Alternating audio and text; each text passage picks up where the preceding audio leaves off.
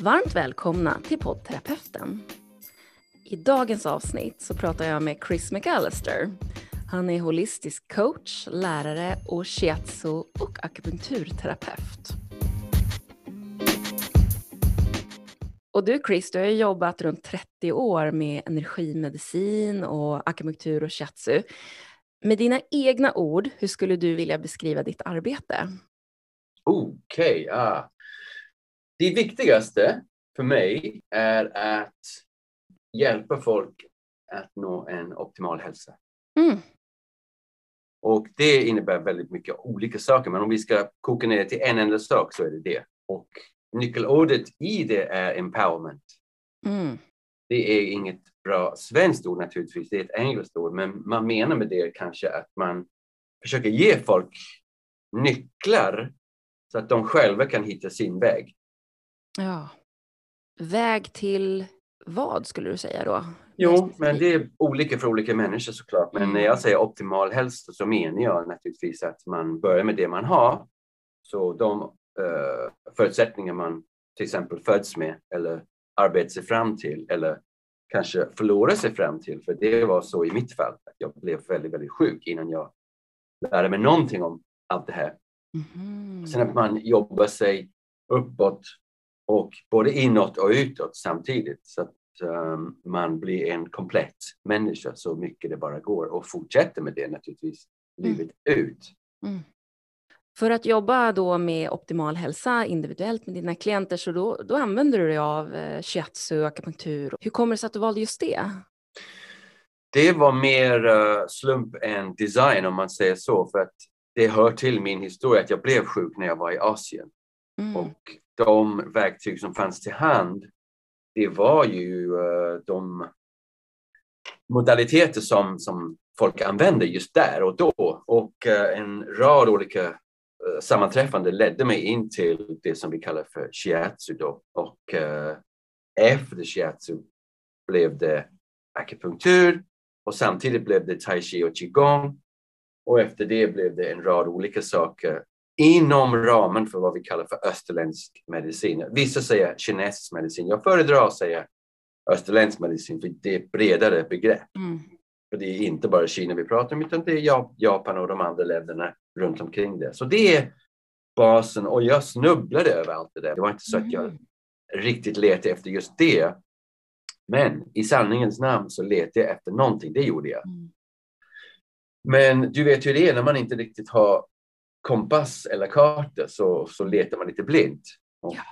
Jag lyckades leta mig in i väldigt allvarlig ohälsa. Mm. Riktigt allvarlig sjukdom faktiskt. Och um, utifrån det började jag ställa frågor. Och mina tre frågor var vad har hänt? För jag var riktigt sjuk. Jag tror att jag skulle dö, ärligt talat. Det var så allvarligt och jag var långt ifrån allt vad medicinsk hjälp heter när det händer. Oj, oj. Så första frågan var, vad har hänt? Mm. Andra frågan var, till exempel, hur kan jag bli bättre? Och det tredje frågan var, hur kan jag göra så att det här aldrig någonsin inträffar igen i mitt liv? Mm, vilka bra frågor. Så det var de tre frågorna. De kom liksom från ingenstans, men utifrån omständigheter så som de var. Och eh, du kan tänka dig att jag befann mig just då i Tibet mm. på 4000 meter höjd allvarligt sjuk med en hepatit långt, alltså tre, fyra dagars promenad från det som ens kunde beskrivas som civilisation. Mm. Långt, långt ut i vildmarken och allvarligt sjuk. Så att jag kunde knappt röra mig, jag kunde inte äta, jag kunde inte dricka. Och ja, läget var väldigt allvarligt och huden blev gul. Och det var ganska dramatiskt om man säger så. Ja, men åh, jag hör det. Jösses. Mm. Så utifrån den där dramatiken så kristalliseras fram de där tre frågorna mm. under de där kommande dagar och veckor. Så ja. jag, jag, ser framför mig nu hur du, hur du verkligen stapplar in i den här riktningen och försöker också komma på vad är det som har hänt? Du måste ju ha varit väldigt, eh, det måste ju ha varit förvirrande för att du, visste du på en gång vad som hade hänt? Nej, det visste jag Nej. inte, utan um, man, när man säger hepatit som var liksom namnet på det så att säga, sjukdom jag hade, de, det där grupp av symptom heter hepatit enligt västerländsk medicin och det var det stämpel jag, jag tog på mig då. Mm.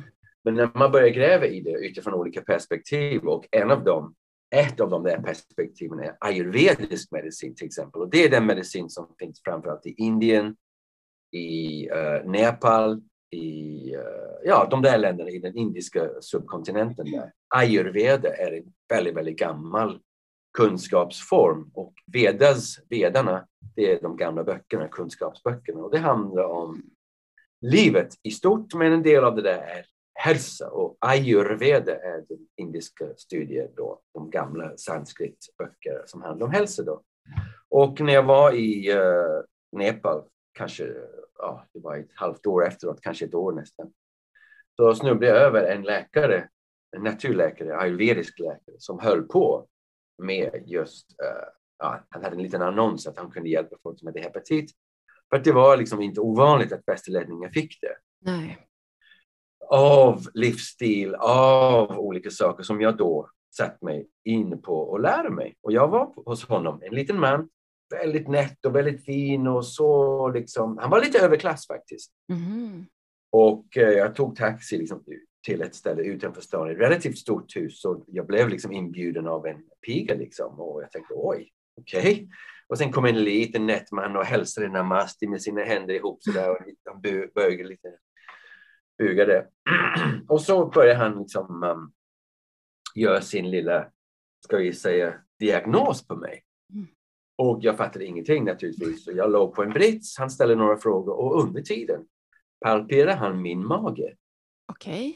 Ja, vilket jag aldrig hade varit med om förut. Alltså när jag var liten så tittade läkaren i, i örat på en och, och kanske liksom ställer ett par stycken frågor och sen skriver de ut mediciner. Det här var något helt annorlunda. Mm. Väldigt imponerande att det var så lugn, så respektfullt. Han tittade mig i ögonen. Han lyssnade på mina svar väldigt noga.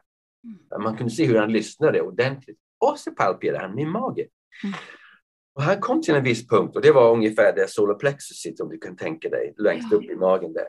Och jag liksom grimaserar och säger åh det gör ont och han nickar bara utan att titta på mig och säger ja, ja, jag vet. Och jag tänker, hur kan han veta att det gör ont? Eller hur? Det är en tanke. Nu vet jag. Men då visste jag ingenting. Men du kan tänka dig hur imponerad jag blev av den här mannen som verkade ha någon typ av övernaturlig kunskap som inte jag rådde på. Men, oh, I alla fall, efteråt säger han till mig, ja, jag ska skriva ut de här örterna till dig och jag vill att du ska ta dem under de här kommande veckorna. Två, tre veckor var det, jag kommer inte ihåg exakt. Och eh, jag frågar honom då, kommer min lever någonsin vara bra igen efter det här? Han tittar på mig, borrade in i ögonen på mig med sina ögon och säger, din lever kommer vara bättre än någonsin efter du tagit de här örterna. Vilket budskap! Kan ni tänka dig? Vilket... Ja, ja, det låter nästan för bra för att vara sant. Uppiffande! Jag blev Ja, rejält liksom, uppippad av det. Min, mitt moral liksom, woof, steg upp till skyn. Ja, men jag kommer vara jättebra här. Förstår du vilken placebo han använde där? Mhm. Du, Nästa- ja, men alltså, gick, gick det på det då inom situationstecken? För många kan ju bli sådär liksom att jo, jo, det är lätt att lova. Nej, nej, nej, jag gick på det direkt för att han var så övertygande i hela sitt sätt. Han var väldigt ödmjuk, väldigt lågmäld. Det var inget fantastiskt eller, eller Nej. sensationellt kring honom, hans person så att säga. Men hela omgivningen var väldigt förtroendegivande. Det fanns en rad små böcker som han hade skrivit, väldigt billiga, sådär, korta småböcker, billigt upplag och så vidare och små pamfletter. Och jag frågade honom om en sak och det var en naturpreparat som man kunde köpa i affären i Indien som jag hade tagit i sex månader sen jag blev dålig. Liksom. Och jag sa, jag tar de här pillerna, är det bra? Han tittar på mig igen och säger, har jag sagt att du ska ta dem där? Nej, de är inte bra. Vilken skön snubbe. Han var verkligen skön. Han kanske var den, en av de första, om inte den första, som jag träffade då. Men alla hade samma typ av inställning. Och den inställningen kan jag sammanfatta som sådan. Att de tittar på människan. Vem har jag här framför mig? De Mm. försöker bygga upp en bild av hela människan så fort det går, med, så brett det går. Mm. Till exempel en annan ayurvedisk läkare i Indien som jag besökte. Det var kanske någon månad ja, några månader innan var det nog. Um, hans fråga var liksom, till exempel, han höll på att fråga mig om liksom avföring och urinering och sånt där. Och så nästa fråga var, drömmer du mycket? Och jag var bara, va? Drömmer jag mycket? Jo, men faktiskt så gör jag det. Och jag började berätta om mina drömmar för honom. Han nickade och skrev anteckningar och tänkte wow, det här är första läkaren som någonsin intresserar sig för mitt inre. Verkligen. Vem jag är inuti mig, så att säga. Och uh, det var liksom typiskt för hur de här läkarna håller på. Liksom. De tittar på en, lyssnar på en, gärna berör, liksom. antingen tar de puls eller så palperar de mage och så vidare. De vill veta så mycket de bara kan om personen på så många olika plan som möjligt och bygga upp en så komplett bild, eller mosaik som jag brukar säga, mm. som möjligt av den här personen så att de vet hur de ska behandla på alla plan. Mm. Och det kallar vi för holistisk medicin, eller hur? Mm. Helhets... Ja, helhetssyn. Mm. Precis. Så utifrån det börjar min, så att säga, bana. Och då hade jag inte kommit in i det riktigt österländska än, utan det skedde när jag kom in i Tibet. Jag råkade ut för en slags av väldigt svår um, magproblem, om vi säger så, på ett mm. delikat sätt. Då. Mm. Så var jag hos en uh, tibetansk läkare och de är ju ytterligare ett snäpp mer raffinerade på sitt sätt. De frågor, ja, absolut. Men de tar puls och de lägger sina fingrar fjäderlätt på en.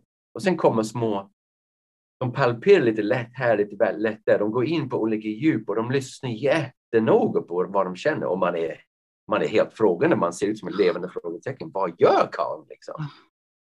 Och så tittar han på sin medicinskåp och det finns liksom 79 olika typer av mediciner som ser exakt likadana ut allihopa. De ser ut som um, små pellets liksom. Ja, just det. Ja, och det är naturligtvis bara malade örter som de sätter ihop liksom i små pellets och så tar man de där pellets och det är örter som man tar naturligtvis. Mm. Ja. Men de alla ser exakt likadana ut. Det är bara att det är skrivet någonting på tibetanska så han vet vilken är vilken antagligen. Mm. Och han säger till mig, ja, vi har haft ovanligt mycket regn här så det har liksom påverkat liksom, um, hur det är här i stan och, och liksom hygien. Du måste vara jätteförsiktig med hygien och du får inte äta kött nu kommande tio dagar. Mm. Men du kommer vara bra väldigt snart. Och exakt som han sa så blev jag riktigt bra utifrån hans medicin och hans ord och hans råd. Liksom. Det, alla delar var viktiga om man säger så. Så det där med att först ta reda på vad som hade hänt och sen mm. skulle du bli frisk eller må bra yeah. igen. Och sen mm. skulle du se till att det aldrig, aldrig blir så att du blir sjuk igen. Mm. Skulle du säga sådär idag att du har uppfyllt de här tre nu då? Till viss del, det är ett evigt sökande så att mm. säga. Så man är aldrig framme och man är aldrig klar, eller hur? Nej. Liksom presentera nya gåtor och nya mysterier och nya nivåer av kunskap, nya djup mm. hela, hela tiden. Oh. Vilket man tycker är jätteroligt såklart. Men jag blev sjuk året efter. Mm. Uh, och precis på samma sätt. Jag var fortfarande ute på resande fot. Jag levde fortfarande jätte, jättebilligt. Jag utsatte mig för extrema utmaningar. Uh, återigen i Tibet och liksom 5-6 tusen meter och jättedålig kost och mm. jättedålig hygien som jag inte kunde påverka riktigt i och med att jag var där jag var. Mm. Vi var verkligen off the beaten track som man säger, liksom, där vi egentligen inte borde varit till och med mm. enligt kinesiska um, myndigheterna. Oj. Så jag blev ganska sjuk igen, men den här gången var det mer liksom att jag blev bara utpumpad. För återigen, om vi ska säga magproblem, då förstod jag vad jag menar på ett mm. ungefär. Och ja. uh, om jag säger att jag behövde besöka toaletten sju gånger en natt, då vet du på ett ungefär mm. vilket stadie jag, jag mm. var i. Mm. Och jag hamnade i en liten stad, en väldigt, väldigt vacker stad som heter Dali. Det ligger i sydvästra Kina. Så du kan tänka dig, nu är jag utanför Tibet, men vi har rest ja, hundratals mil med lastbil, traktor, trailer, till fots ja, under alla möjliga typer av väder uh, och alla höjder och jättedålig mat och väldigt dålig näring på en hel månad. Mm. Och resande varje, varje dag, mer eller mindre. Så jag hamnar här i Dali och jag säger till mig själv, nu får det vara nog. Liksom. Jag är så trött, jag är så less, jag är så svag Och min känsla var, låt mig vara. Mhm. Jag vill hem. Jag vill inte göra någonting, jag vill inte ha kul, jag vill inte göra något. Så var det när jag kom dit. Wow. Två veckor senare var jag helt uppumpad och redo för nästa kapitel i mitt liv. Så du kan fråga dig, vad var det som hände däremellan? Ja, vad var det som Eller hände hur? däremellan? För det första så stannade vi kvar i Dali i två veckor. Det är jätteviktigt att konstatera att vi var på samma ställe på två veckor. Jätteviktigt. Det fanns bra mat i den stan också. Dels västerländsk, dels kinesisk. Jättebra. Så det är också faktor nummer två. Faktor nummer tre var altityd. Vi kom ner från fyra plus tusen meter till 2000 meter. Mm. Väldigt bra luft, vi har en, en liten stad, inte så mycket föroreningar eller någonting jättebra. Så de där faktorerna måste vi säga är, de utgör kontexten. Mm. Men om vi ska titta på liksom specifika saker som händer så är det två, tre saker jag vill lyfta fram. Det ena var ett badhus där de hade jättedjupa marmorbadkar fullt med jätte, jättevarmt vatten. Man kunde ligga hur länge man vill och man Ah. mådde så bra. Det. Vi hade inte ens liksom sett brinnande vatten på en månad ungefär. Var det mineralvatten då eller var det saltvatten? Ja, jag vet inte faktiskt Malin. Det var en bra fråga. I och med att jag inte kunde kinesiska så Ja, var det det liksom- begränsat med information. Och, ja, jag kunde inte läsa heller. Och de kunde Men- inte engelska. Kände du att, sal- att vattnet var salt? Nej. nej, nej, nej, Nej. nej. Men det var framförallt varmt. Varmt, ja. Mm. Och man kunde bara ligga där och wow, vila, slappna av. Så det var en slags regenerationsfaktor bara det. Mm. Men det viktigare, ännu viktigare var i samma badhus fanns en massör. Du kan tänka dig en man med såna här stora muskler, Mm. en kines, som kunde varken prata eller höra någonting. Mm. Men vad spelar det roll för roll när jag inte kan kinesiska och han kan inte engelska? Han hade till sin fördel lärt sig att prata med ögonen och med kroppen. Och jag är ganska bra på sånt där. Jag, jag är född med de där typer av liksom, abilities, som de där Mm. eh, förmågor så att säga. Så vi, vi kom väldigt bra överens och han masserade mig och jag kände wow, vad är det han gör? Hur hittar han de här punkterna på min rygg till exempel? Hur, Ja. menar, är det markerat på något sätt? Är det liksom att, att han kan se dem? Hur hittar han så exakt? Nu vet jag det naturligtvis, men då visste jag inte. Det var ett mysterium för mig. Gjorde det ont eller var det skönt? Det var skönont. Okej. Just det där liksom perfekt. Mm. Och han jobbade med liniment, vilket också var en helt intressant attraktiv. Du vet, doften och effekten och hela hans sätt var så intressant och hela, han hade sådana här akupunkturkartor på väggen och jag var helt begeistrad. Liksom, vad är det här för någonting? Och han märkte att jag var intresserad. Liksom. Det är inte så svårt att se naturligtvis, men, men när någon är begeistrad. Och han började liksom på något sätt göra saker och ting ultra tydligt för mig. Så att jag kunde ta in det på ett, liksom, ett lite extra tydligt sätt. Mm. Dessutom märkte jag att när hans elever jobbade på mig, så var det inte alls samma sak. Mm. De hade absolut inte samma touch. Det var inte samma effekt. De hittade inte punkter lika rent. Trycket var inte lika perfekt, om du förstår vad jag menar, avvägt. Det var jätteskillnad. Den här mannen hade någonting speciellt. Så jag tog hans tekniker så som jag fatt- uppfattade dem och gjorde dem på min flickvän. Och hon sa wow, det känns jättebra. Jag var ursvag. Kom ihåg hur jag mådde, hur jag Mm. var då. Han var ju urstark och uppumpad. Så hans tekniker funkar inte riktigt för mig. Jag blev trött. För det var liksom ganska mycket muskelkraft i det. Mm. Tyna heter det. Så det var liksom, mm, okej. Men i alla fall, du förstår att det här hade liksom tänt någonting i mig. Parallellt med det, på vår hotell fanns det en man som undervisade tai chi. Väldigt enkel tai chi, men alltså hur enkelt som helst egentligen, förstår jag nu. Men då förstod jag ingenting. Och det var liksom hur exotiskt som helst. Och jag tittade från långt håll och tänkte wow, vad är det här för någonting? Jag var lite sådär, lite rädd nästan, för det såg så svårt ut och så främmande och konstigt. Och, mm, det där kommer jag aldrig kunna klara av. Liksom. Så jag backade undan. Men tur var för mig att min flickvän gjorde inte det. Hon dök rakt in. Det var en svensk förresten och därför jag hamnade här så småningom. Om du undrade. Ja, ja. Hon dök rakt in för hon hade den typ av äventyr. Ja, hon hade mer geist då. Jag var liksom väldigt, väldigt urvattnad och liksom jättesvag och jag hade ingen liksom ingen eld i mig helt enkelt. Men hon gjorde det. Och Men- jag tittade men, från eh, håll. För att förtydliga då för, för lyssnarna och för mig, då, då menar du att då, då hade du precis eh, hepatit i bagaget, du hade ja. magproblem i bagaget, du hade ja. allmän utpumpning i bagaget. Och det var, det var, det var väl beskrivet. och du hade liksom som en gryta här nu då med massa härliga ingredienser. Som Precis, och den här ingrediensen tog jag inte riktigt till mig i början. För det såg för svårt ut helt enkelt, för utmanande. Men som tur var kom det fram dagen mm. efter, tre amerikaner. Och de var liksom, Hey Chris, come on, we're gonna try this tai chi stuff. You're gonna... och då tänkte jag, om de ska prova, så måste jag. Jag kan inte liksom titta mig själv i ansiktet, i, i ögonen, i spegeln och inte göra det. Så jag gjorde det. Vi började tillsammans. De stack efter två dagar. Jag var kvar. Jag lärde mig det här tai chi från det här väldigt, väldigt fin, ödmjuka äldre man. Mm. Och då var jag på vanan på det viset också. Så det var mina parallella banor. Dels tai chi qigong och dels det här med österländsk medicin via beröring och ja, akupunkturpunkter och så vidare, energibanorna.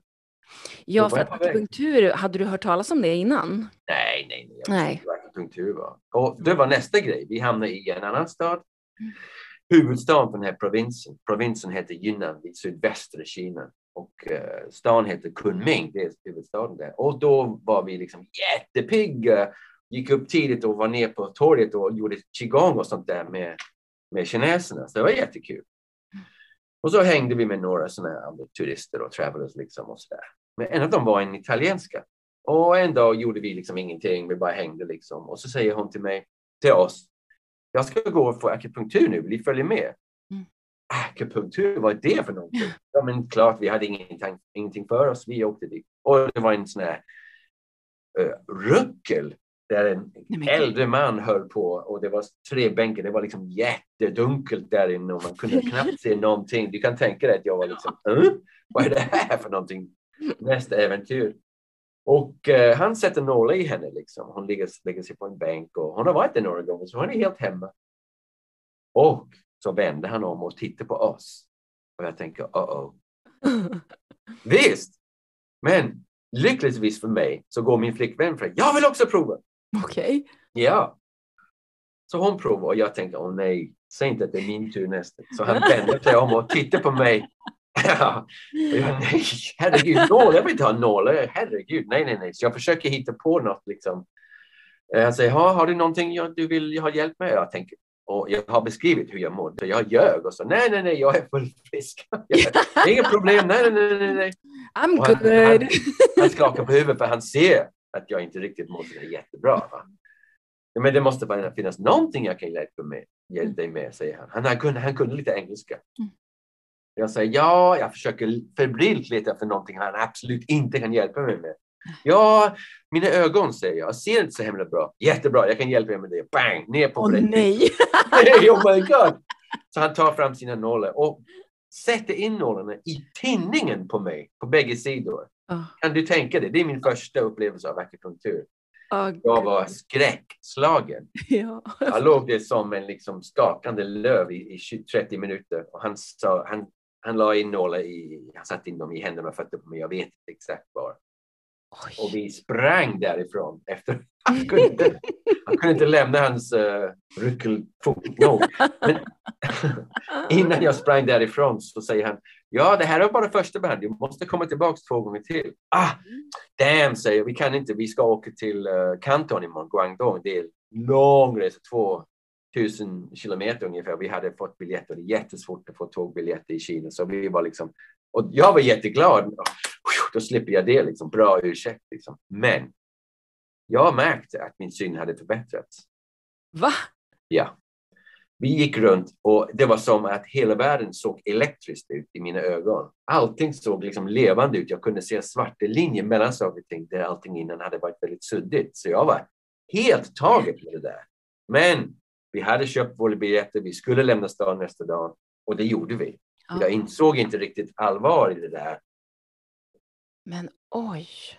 Men jag kan säga så här att sen dess har jag väldigt, väldigt, väldigt sällan behövt ta ledigt eller ha en sjukdag eller jag har oftast varit det friskaste i sammanhanget, där jag, i sällskapet så att säga. Så för att svara på din fråga kort så kan jag säga att ja, jag har lyckats med det här tredje. Att det aldrig skulle hända igen att jag hamnar i det skicket, i den situation av total ohälsa. Nej. Mm.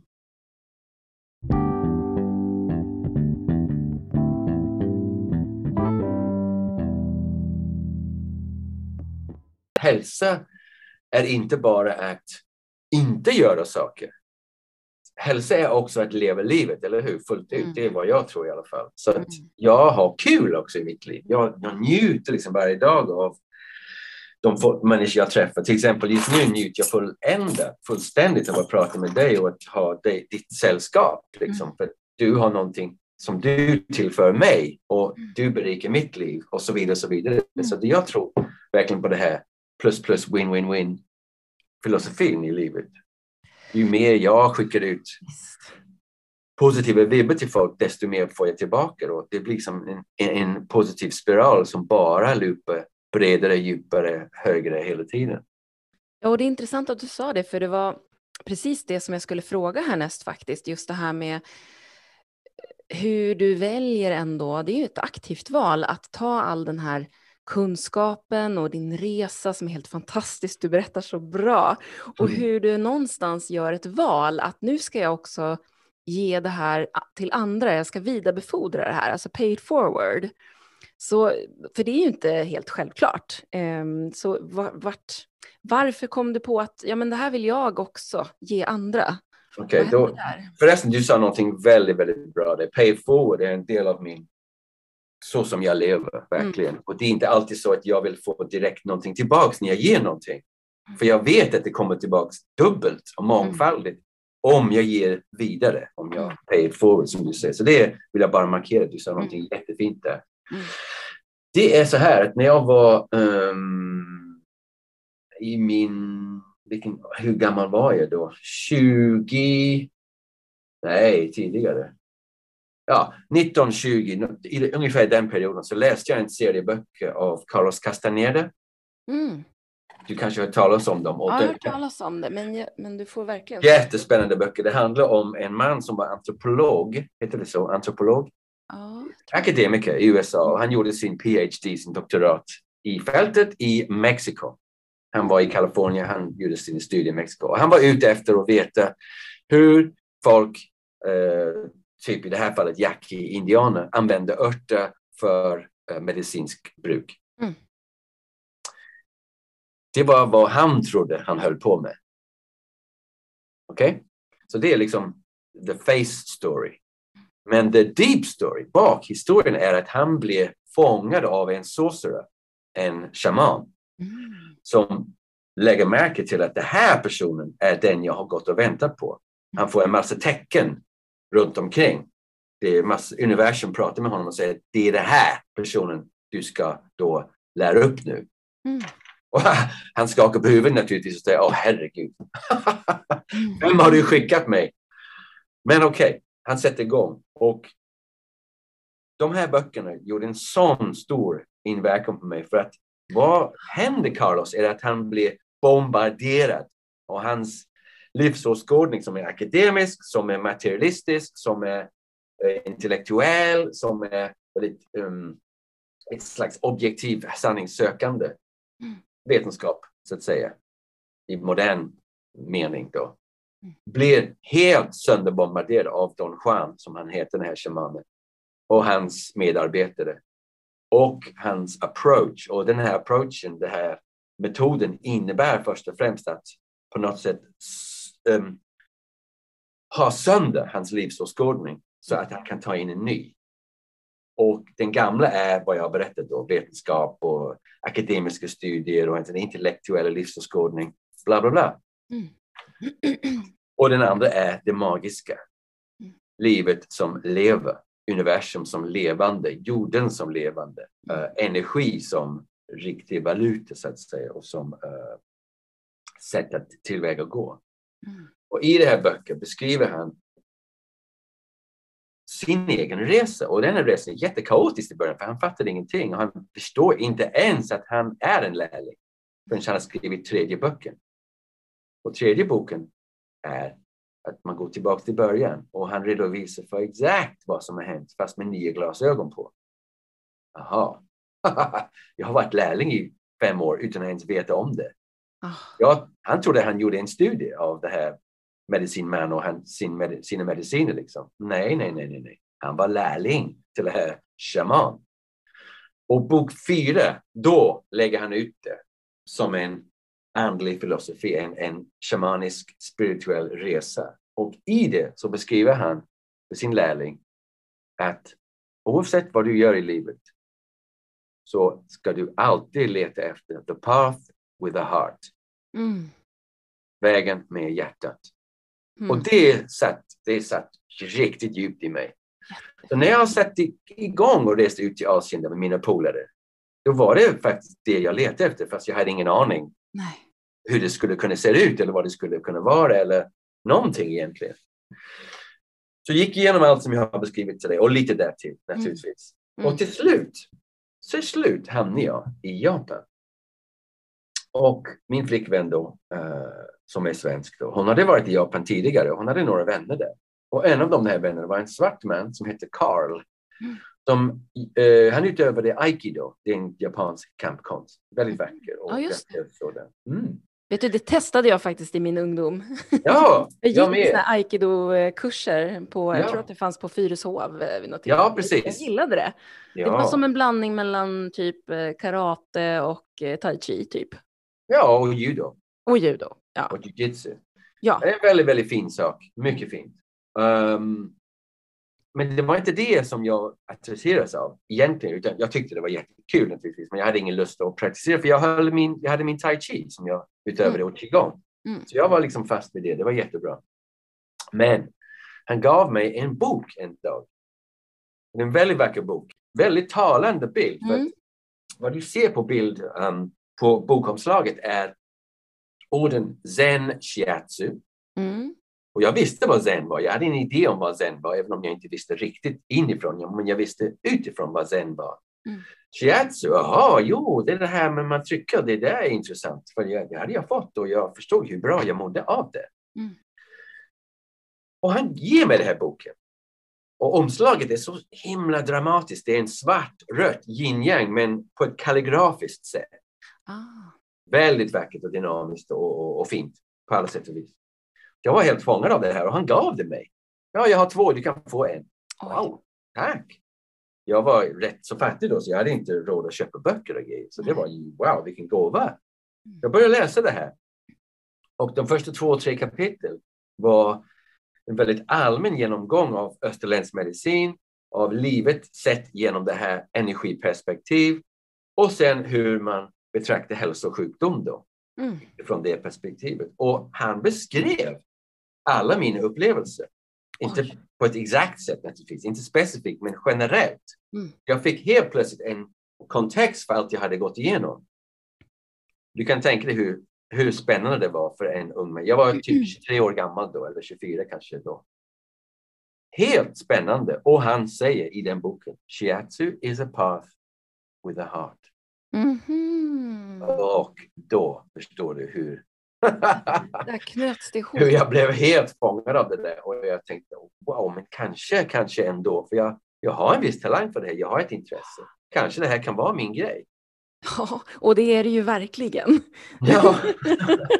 och då, då följer liksom 17 till sådana här enorma sammanträffanden som vi kan prata om en annan gång. Men, och det, det ena ledde till det andra, det tredje, fjärde och så hamnade jag tillbaks i Japan två år senare. Men mycket bättre utrustad och mycket mer fokuserad och med en intention som var mycket, mycket vassare och mer redo att ta itu med saker och ting lite mer på djupet och ja, på riktigt så att säga. Och mer medvetet hör jag dig säga. Exakt, exakt. Mm. För att jag förstod liksom att man kan inte bara glida runt om man vill att det ska bli någonting. Man måste applicera sig och fokusera och då var jag redo liksom. Fast, jag, redo. Mm. fast jag var inte riktigt det innan, men nu var jag det. Men det som är spännande är ju ändå att du är ju från England och du är ju uppväxt då med den här västerländska medicinen om vi får kalla den det. Det h- hur skulle du då se nu när du upplevt båda? För det har du ju verkligen. Hur skulle du jämföra de här två då? Nej, alltså jag... eh, Jag får hålla mig för att beskriva vad jag tycker om västerländsk medicin egentligen. För jag, Mm. jag har inte så stor respekt för det. Nej. jag vet att om man råkar ut för en olycka, om man råkar ut för någonting väldigt, väldigt allvarligt, då är man väldigt tacksam att det mm. finns akutmedicin och intensivvård och så vidare. Kirurgi, brännskador och så vidare. Så ja. det är inte så att jag nekar betydelse av det. Men jag har sett så många som har kommit till mig som har blivit förstörda av det där systemet. Ja, Missförstådd. Nej, jag fattar. Feldiagnostiserat. Mm. Inte ens diagnostiserat. Eller kanske diagnostiserat men inte behandlat på något mm. sätt. Det finns så många glapp. Och min mening är då att mm. om du tittar på verkligheten genom en väldigt, väldigt snäv teleskop som är felvänt. Mm. Det spelar ingen roll hur mikroskopiskt du går in i den här lilla del som du kan se av verkligheten, för det är ändå motsvarar bara en procent av verkligheten. Ja, det är sant. Kan du vara duktig på den här en procent, eh, oändligt duktig på det, då, då är du fortfarande bara duktig på den där ena procenten. Verkligheten är mer än det fysiska. Det är mm. mer än det mätbara och den förändras kontinuerligt. Ja. Så det är det måttstock jag har nu för tiden. Så du förstår att om jag mäter västerländsk medicin upp mot det, mm. så nej, jag är inte så imponerad ärligt talat.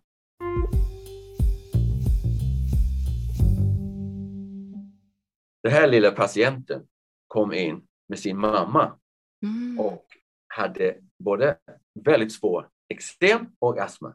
Mm. Och i min värld så vet jag från min tidigare upplevelse med österländsk medicin och faktiskt med homeopatin, som är ännu mer smutskastad än vad jag gör. Homeopatin råkar ut för väldigt mycket smutskastning. Att om du som patient går till en läkare och du har eksem. Jag citerar nu från en homeopatisk läkare som är också västerländsk läkare. Han heter mm. Mr Khan, Dr Khan i London. Mm. Mm. Ung man, säger han till mig, om du kommer till mig med eksem och du vill ha kortison, trots att jag erbjuder dig homeopati, om du vill ha kortison mm. så får du det av mig.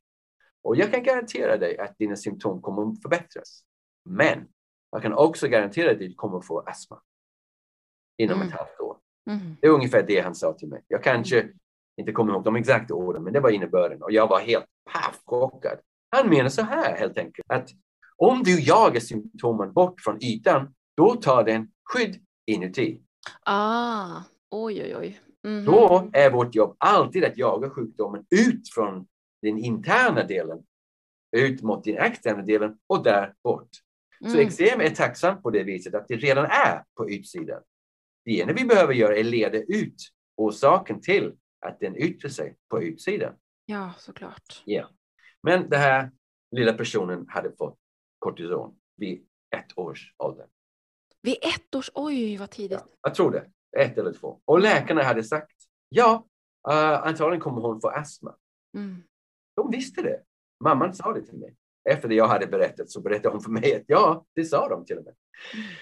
Och så behandlas den här lilla personen med kortison i mm. sex år. Mm. Och sen blev det så pass dåligt att mamman var tvungen att ta bort kortisonet. Mm. Och så blev det jättedåligt ett tag. Jag såg bilder på den här lilla personen och det var verkligen sorgligt att se hur hon såg ut. Oh. alltså, usch. Men du förstår att när kroppen ändå besitter hälsan längst in så skickar den ut gift. Ja. Den vill inte ha det där inne, den skickar ut det. Så ja. den kom ut på huden. Jätte, jättehemskt. Men nu när, hon kom, när de kommer till mig, mamman och oss, äh, sitt lilla barn, då mår lillbarnet mycket bättre. Mm. Okej, okay, det finns eksem på händerna, på armarna, knävecken och fötterna. Ja, visst, men fläckvis och på vissa bestämda ställen som jag kan läsa om väldigt lätt, som vet var meridianerna går. Det är liksom ABC för mig nu för tiden. Ja, såklart. Och så kollade jag på ryggen och ryggen såg relativt bra ut. Lite strävt. Så inte så liksom slät och fin. Ja visst, huden mår inte bra än. Nej. Men den här personen, den här lilla personen är så frisk. Hon springer runt i rummet, hon är jättenyfiken på allting. Jag visar alla rum som vi har här och utrustningen och olika saker, fiskarna. Klassiskt barn. Den här lilla personen tycker att det är jätteroligt. med allting. Och det är ett friskhetstecken, eller hur? Mm, verkligen. Ja, och mamma var lite inne på att nej men sluta springa runt nu och jag var liksom nej, spring på du. Barn ska behandla sig själv så mycket det bara går. För Mm. de är så självhelande, de är så friska. När Sant. hon var redo, när den här mamman var redo för sitt barn att bli behandlad. Så ja, på britsen då. Och det här lilla barnet var med. Och valde ut sina behandlingspunkter. Jag gav henne ett val. Den här eller den här? Den där. Utan tvekan. Nej, men, Hon valde. Och mamman frågade då, vilka punkter har du valt då? Alltså, för det första var det inte jag som valde. Jag gav två möjligheter och ditt barn valde en av dem. Och hon sa till mig då vilken, vad har hon valt liksom? Mm. Tjocktarmsmeridian säger jag. Mm. Och hon tittade på mig liksom frågande och jag misstolkade det här blicket. Jag sa, ja, ja, okej, i vårt system så tänker vi att lungan och tjocktarmen hör ihop. Vägen in och vägen ut ur kroppen om man ska Ja, förenkla. Mm. Ja, vägen över och igenom gränser. Ja. Och huden är ju ingenting annat än en gräns på det viset. Och lungorna och tjocktarmsmeridianerna vaktar över gränserna och det gör de för huden också. De gör dem för näsan och andning också. Mm. Så jag förklarade på det viset och naturligtvis när kroppen försöker bli av med saker via huden så är det ett tecken på att tjocktarmen försöker avgifta sig. Mm. Och det är intressant säger hon för att vi har varit hos en funktionell medicinär, medicinare i Stockholm som säger att barnets tjocktarm är jättesuperinflammerad. Ja, Mm. visst säger jag. Absolut, men det, det är självklart. Mm. Och så hade det här lilla barnet också visat mig ett par styck- stycken ställen på benen hon ville bli behandlad, kanske. Helt spontant. Mm. Utan att jag ens frågade. Så vad jag sen förklarade för mamman var, vad du har här är ett litet barn som är känslig. Mm.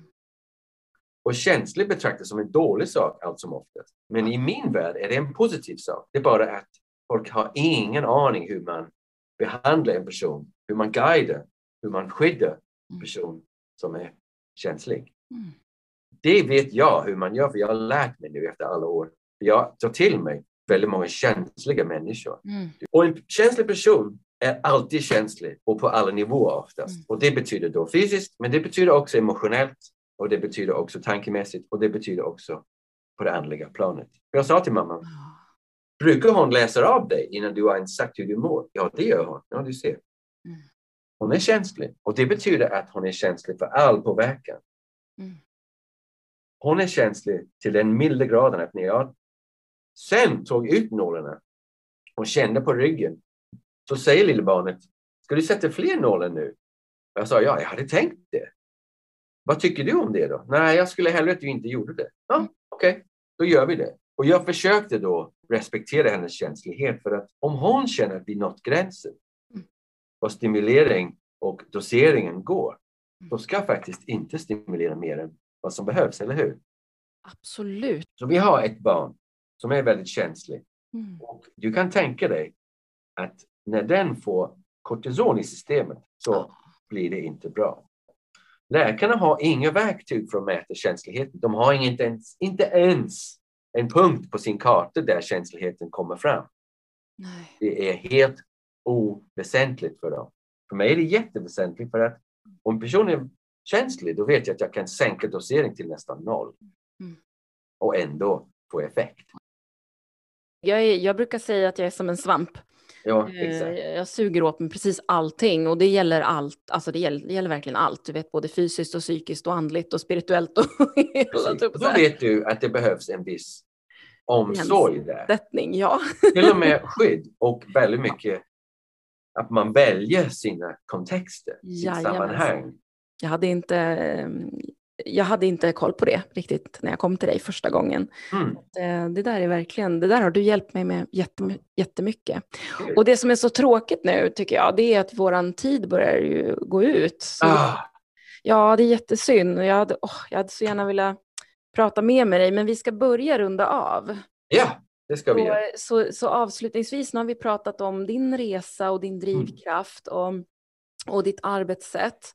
Och sen också eh, har vi pratat lite om eh, olika sorters eh, filosofier och medicin. Och vi kunde väl både du och jag landa i att egentligen hade det väl varit bättre om de här två hade kunnat sam, eh, samexistera på något smart sätt. Mm. För att det är som du sa, det finns ju väldigt bra saker med den västerländska också och det hade oh, yeah. varit fantastiskt om de hade kunnat, om, om den västerländska hade kunnat eh, ta in lite mer då. det kommer Malin. Skulle du hellre vilja sammanfatta det på ett annat sätt just med det? Nej, jag tycker du är helt rätt och uh, livet består alltid av att hitta the, the golden mean, eller hur? The happy medium. The, ja. The middle way, etc. Det finns ett, olika, eh, ett antal olika sätt att uttrycka det där. Och vi ska inte liksom slänga ut bebisen med badvattnet. Nej, men precis, precis. Det kommer en tid och det är snart där man faktiskt ser energimedicin som ett helt gångbart sätt att tillgå, tillvägagå. Mm. Men man ska inte glömma all tekniskt framsteg vi gjort de senaste 300-400 mm. år. Nej, nej. Teknik är bra. All teknologi är bra. Men som vi har sagt många gånger, många har sagt det, inte jag. Hur man använder det är mycket viktigare än vad man har. Ja, så sant. Så sant. Så det kommer snart, det tror jag verkligen. Ja, jag hoppas väldigt, väldigt verkligen det. Men eh, om jag får, får plats med en liten avslutande fråga innan jag vill att du ska få sammanfatta eh, vårt samtal. Men jag har en sista fråga och det är liksom det här med, med, med dina patienter som kommer till dig. Hur, hur motiverar du dem? För att jag kan tänka mig att en del personer, jag är en av dem, som gärna var ute efter lite quick fix. Ja. Um, hur motiverar du dem att att eh, jo, men du kan, som han den första sa, kommer du ihåg, du berättade för mig det där med att han ville att du skulle komma tillbaka. Um, det är lite mm. samma sak här, att eh, yes. hur motiverar du, hur säger du till dina, ja men jag behöver nog att du kommer tillbaka. Hur, hur, hur, hur får du fram det här till dem helt enkelt? Hur motiverar du dem att komma tillbaka? Ja, för det första så försöker jag aldrig sälja in det. Det är inte Nej. min natur och jag, jag är så misstänksam själv när folk försöker sälja saker. Så jag är väldigt, väldigt försiktig med det. Mm. Men vad jag försöker göra är att visa dem att det här behandlingen som vi gjort nu har faktiskt givit dig några nycklar och fördelar, eller hur? Och mm. du mår bättre än du gjorde innan. Ja. Även om det är mest på energiplan eller på det känslomässiga eller mentala planet. Även om de fysiska symptomen inte riktigt helt är rubbade än. mm. Det tar mer tid. Fysiskt tar mer tid väldigt ofta. Mm. Ja. Det är mer materia. De rör sig långsammare, de där energierna, och det tar längre tid att nå fram till dem. Det är sanning enligt energiverkligheten som vi lever i. Mm. Så jag försöker alltid ge något positivt uh, reflektion. Och uh, allt som oftast så frågar folk mig, ah, vill du att jag ska komma tillbaka eller ska jag komma tillbaka och hur många gånger ska vi göra det här? Och mm. Det är alltid en um, öppen fråga alltid en så kallad judgment call. Mm. För vissa människor säger bara, jag vill inte komma tre gånger. Om inte vi liksom riktigt har nått dit du vill så kan du liksom utvärdera utifrån ditt sätt. Och jag kräver inte att vi kommer någon mer, men prova tre gånger eller tro, mm. prova fyra, fem gånger. Mm. Det här barnet, jag sa till mamman, ja men mellan fem och tio gånger tror jag, för att det har på, pågått så länge. Mm. Att jag tror inte att tre, fyra gånger kommer räcka. Men å andra sidan, har jag en känsla av att det kommer gå ännu fortare. Mm. För att barnet är så friskt och hennes självläkande förmåga sitter så bergsäkert i henne och jag egentligen behöver bara uppmuntra henne att vara sig själv. Hon kommer att bli bra. Och jag har sagt till mamman, jag sa till henne flera gånger, det här barnet kommer att bli bra. Väldigt bra till och med barn, är ju så, barn är ju så flexibla i sitt immunförsvar och, och de är så duktiga också på det där med självreglering. Um, så att eh, jag, jag förstår ju att just i det här fallet så kanske hon inte hade behövt lika lång tid återhämtning som, en, som jag då till exempel. Om, om man går runt med ohälsa i många år, vilket, vilket jag också har erfarenhet av, då kan jag också tänka mig att för att kroppen skulle kunna balansera upp det här, den här stora, sätta den här stenen i rullning, så tar det ju, skulle man kunna säga att det tar lika lång tid egentligen att städa upp det och att vända det i rätt riktning som man faktiskt har varit dålig? Skulle, eller är det att förenkla saker lite för mycket? Nej, det är inte att förenkla, men det är kanske inte helt rätt. För att vad man tänker så här är att om det här bilden som du har, sten i rullning, är jättebra mm. för att väldigt ofta när folk kommer till oss så rullar stenen åt fel håll. Just det. Så första jobbet är att sluta rulla. Mm. Att låta det liksom stanna upp och sen knuffa den åt rätt håll. Mm. Du kan tänka mig, i början behövs det väldigt mycket energi ibland för att få igång den där hälsosamma reaktionen. Och det märks knappt för att stenen håller på att rulla lite saktare, visst, mm. men den har inte slutat. Den har inte börjat rulla åt andra hållet än. Så det är just i botten på din fråga där, hur motiverar man folk? Absolut. Man försöker visa dem att det rullar lite långsammare åt fel mm. håll. Att det har kanske stannat nu. Att det rullar åt andra hållet. Så det i ligger konsten och det, det finns inga enkla sätt för mig utan det, det handlar om kommunikation, det handlar om rätt signaler, det handlar om mm. att inte, inte tvinga fram någonting utan att låta det komma i sin egen takt. Och, ja, det, det är sådana grejer som jag vill tro på för att jag vill att folk behandlar mig på det viset. Så jag mm. vill behandla andra på det viset. Men man får korrigera en grej. Om man har gått med en, ett gäng symptom i typ, låt säga till exempel fem år, mm. bara som exempel. Mm. Det är inte så att det tar fem år att bli bra. Nej. Det tar fem månader. Mm. Ungefär. Mm. Det här är en regel som homeopater har. Ett år av sjukdom betyder att du behöver en månad av behandling för att bli bättre. Oh. Proportionerligt bättre. Men det innebär då att man ska göra de rätta behandlingarna och de ja. rätta sakerna under tiden. Du kan inte bara fortsätta exakt som vi gjort och tycker att behandlingen kommer göra underverk helt själv. Nej, det måste alltid finnas en liten, liten inställningsfråga där hos mottagaren, kunden, patienten om vi ska använda de där orden. Mm. Så det är ömsesidigt, det är teamwork och det, det, är ett samarbete. Så den saken har jag väldigt, väldigt klar för mig. Och om det kommer folk som jag förstår inte alls intresserade av att lägga ner något krut på att bli bra själva, då vet jag att det kommer att ta lång tid och det kanske inte ens kommer riktigt att fungera. Och nu gör jag sådana här med mina fingrar. Ja. Det är klart att det kommer att fungera på någon nivå och i en viss tidsram blir det ändå bra. Men kanske så sakta att den personen inte riktigt uppfattar det, blir uttråkad eller ja, otålig och, och slutar med behandlingen. Och det händer rätt ofta faktiskt att mm. folk gör det. Och jag har ingenting att säga till om det där. Det är som det är. Eh, en egen reflektion kring det du just sa handlar väl också kanske mycket om att om den här stenen är väldigt stor och väldigt tung och väldigt, kommer med en väldigt fart så, så kan det väl vara så där att man också inte orkar riktigt hålla ut för att för att, hålla, att bara stanna upp den då kräver ju enorm energi. Så är det. Och kanske det är så att, de, att personerna vill väldigt gärna men de är inte riktigt där än i energimässigt. Precis kanske. rätt och bra mm. ordval dessutom. Det är så. Och det är en utmaning för bägge mm. parter, eller hur? Att ja. försöka hitta ett samarbete som ändå på något sätt tar in det där. Mm. Utmaningen som är och att man hittar perspektivet tillsammans där det är inramat på ett tillfredsställande sätt mm. så att man har de rätta nivåerna på förhoppningarna och förväntningarna.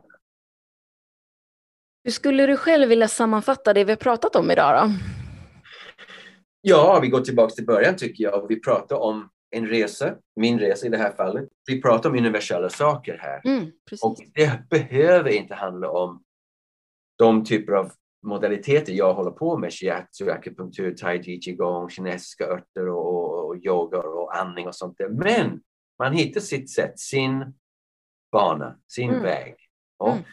Det är viktigt att man lägger tillräckligt med krut på det där, ger det tid, har tålamod och är snäll mot sig själv. Men är också dedicated, att man är lite fokuserad och man mm. praktiserar, att man har en viss snäll disciplin mot sig själv och att man faktiskt ger det tid också. Ja.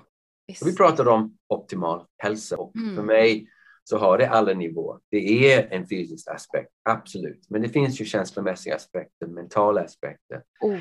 andliga aspekter och var och en påverkar de andra. Så det är verkligen ömsesidigt beroende mm. i de där nivåerna. De går i varandra. Och jag tycker att de modaliteter jag håller på med adresserar alla nivåer och det är därför jag känner mig trygg i dem och tycker att jag kan erbjuda någonting som är tillfredsställande för i princip alla i alla sammanhang. Mm. Men det är klart, allting beror på själva mötet och kemin Mm. i mötet. Mm. Och det är därför du kallar också ko- holistisk, du jobbar ju som holistisk coach också utifrån det, att du också tar den aspekten i beaktande. Jag tycker det är viktigt. Det där är ett ord som används väldigt flitigt nu för tiden, sista 10-20 år, coach. Mm. Och jag kom på det efter ett tag att hörru, jag håller på med det, fast på Mm. mitt sätt. Och utifrån de, de erfarenheter jag har haft, de lärare jag har tagit del av, Mm. de lärarna jag har haft och vad de har lärt mig och de stories som jag är kapabel att berätta. För jag har förstått nu att jag är en storyteller. Ja, verkligen. Jag, jag berättar stories för folk, uppmuntrar dem, underhåller dem, gör dem att skratta och må bra utifrån att jag själv inte mått så bra vissa gånger och Mm. har råkat ut för saker som kanske var lite halvtragiska men Mm. på något sätt slutade bra. Och gav mig tankestoff så att säga. Och gav mig intressanta ledtrådar som jag kunde sen följa och nu kan jag lägga ut för andra. Mm, verkligen. För att du har ju dina behandlingar eh, och personer kan kontakta dig, eller hur? Och, och fråga om du kan, ehm, för, alltså hon kan be dig om behandling och boka behandling hos dig. Eh, men sen så har du också avslutningsvis en skola. Yes! Läs ytterligare pay, pay it forward, där du också Ja. lär andra. Um, Jo, det? Alltså, för mig är det så här att när jag behandlar folk så är jag också en pedagog. Och när jag är pedagog så behandlar jag folk också. ja, just det. Och den skolan vi har heter Svenska Energiskolan. Och Mm. de vi eh, tar in och, och, och utbildar, de blir energipedagoger. Energipedagoger. Då menar vi att de förstår energiläran Mm. i rörelse, Mm. i stillhet, i avslappning, i meditation, i qigong, i yoga och pilates. Inom ramen för österländsk medicin med tanke på fem elementen och meridiansystemet. Mm. De lär sig om posture, om alignment, om andning. Så de får med sig en palett av verktyg som gör att de kan hålla kurser i väldigt, väldigt många olika typer av sammanhang. Antingen privat eller corporate eller bara informellt eller väldigt formellt Mm. utifrån deras liksom, livsval och karaktär, personligheter och behov såklart. Ja, visst. Men vad bra. Och när tänker ni starta upp en ny? Eller det är kanske inte klart än. Jag vet att ni har en på gång nu. som- Vi har en på gång och Mm. det går i Stockholm, eh, nära Sankt Eriksplan i Stockholm. Mm. Eh, vi tänker att det möjligen blir så att vi startar en ny utbildning till höst. Mm. Okej. Så då får, man, då får man hålla lite utkik där helt enkelt. Om man Precis, och vi kommer kanske hålla en liten kortare kurs nu på sommaren någon gång, så håll utkik Ah. efter det. Och det, det. Vi är väldigt flitiga på Facebook så att eh, man behöver bara leta efter Svenska Energiskolan på Facebook och då kan man eh, ja, följa oss, ha koll på oss och vad vi erbjuder. Och eh, det blir säkerligen en endagskurs eller möjligen Mm. helg. Jättebra. Jag lägger ut allt det här nu i, i länkbeskrivningen så kan man ta del av det här. Perfekt. Och, eh, nu lever ju vi, eh, vi ska verkligen avsluta, nu har vi så här tamburkoma eller vad kallar man det, men eh, vi, ska, vi lever ju rätt spännande tider just nu. Ja, det kan vad man säga. det. eh, så bara något avslutande ord från dig, hur du ser, vad har du för förhoppningar på, på framtiden nu då, utifrån hur vi har det och utifrån din, din kunskap? Mhm. Jag ska säga så här att jag har precis skaffat ett nytt varumärke och det heter New Paradigm Productions. Oh, Och det säger en hel del om vad jag tror kommer hända nu i det här kommande året. All right. Vi står inför en superöppning av alla våra möjligheter i livet på alla plan. Wow. Jag säger bara det. Oj, oj, oj. Vilken cliffhanger.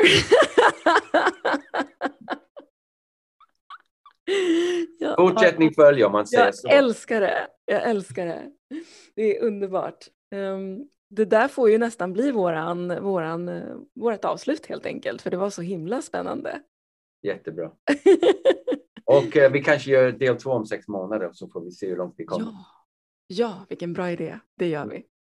Mm. men bra, men stort tack till dig Chris McAllister för att du ville vara med i poddterapeuten. Tack Malin för att vara poddterapeuten. Oh, det var jätteroligt och så mm. spännande att få följa med dig i din resa. Det blir kul. ja, superroligt, superkul. Jag hade gärna suttit en timme till kan jag säga. Ja, men visst, men det gör vi nästa gång. Eller ja. någon annan gång. Ja, det gör vi. Det gör mm. vi. Okej, tack, tack så mycket. Tack, tack. Hej då! Hej då!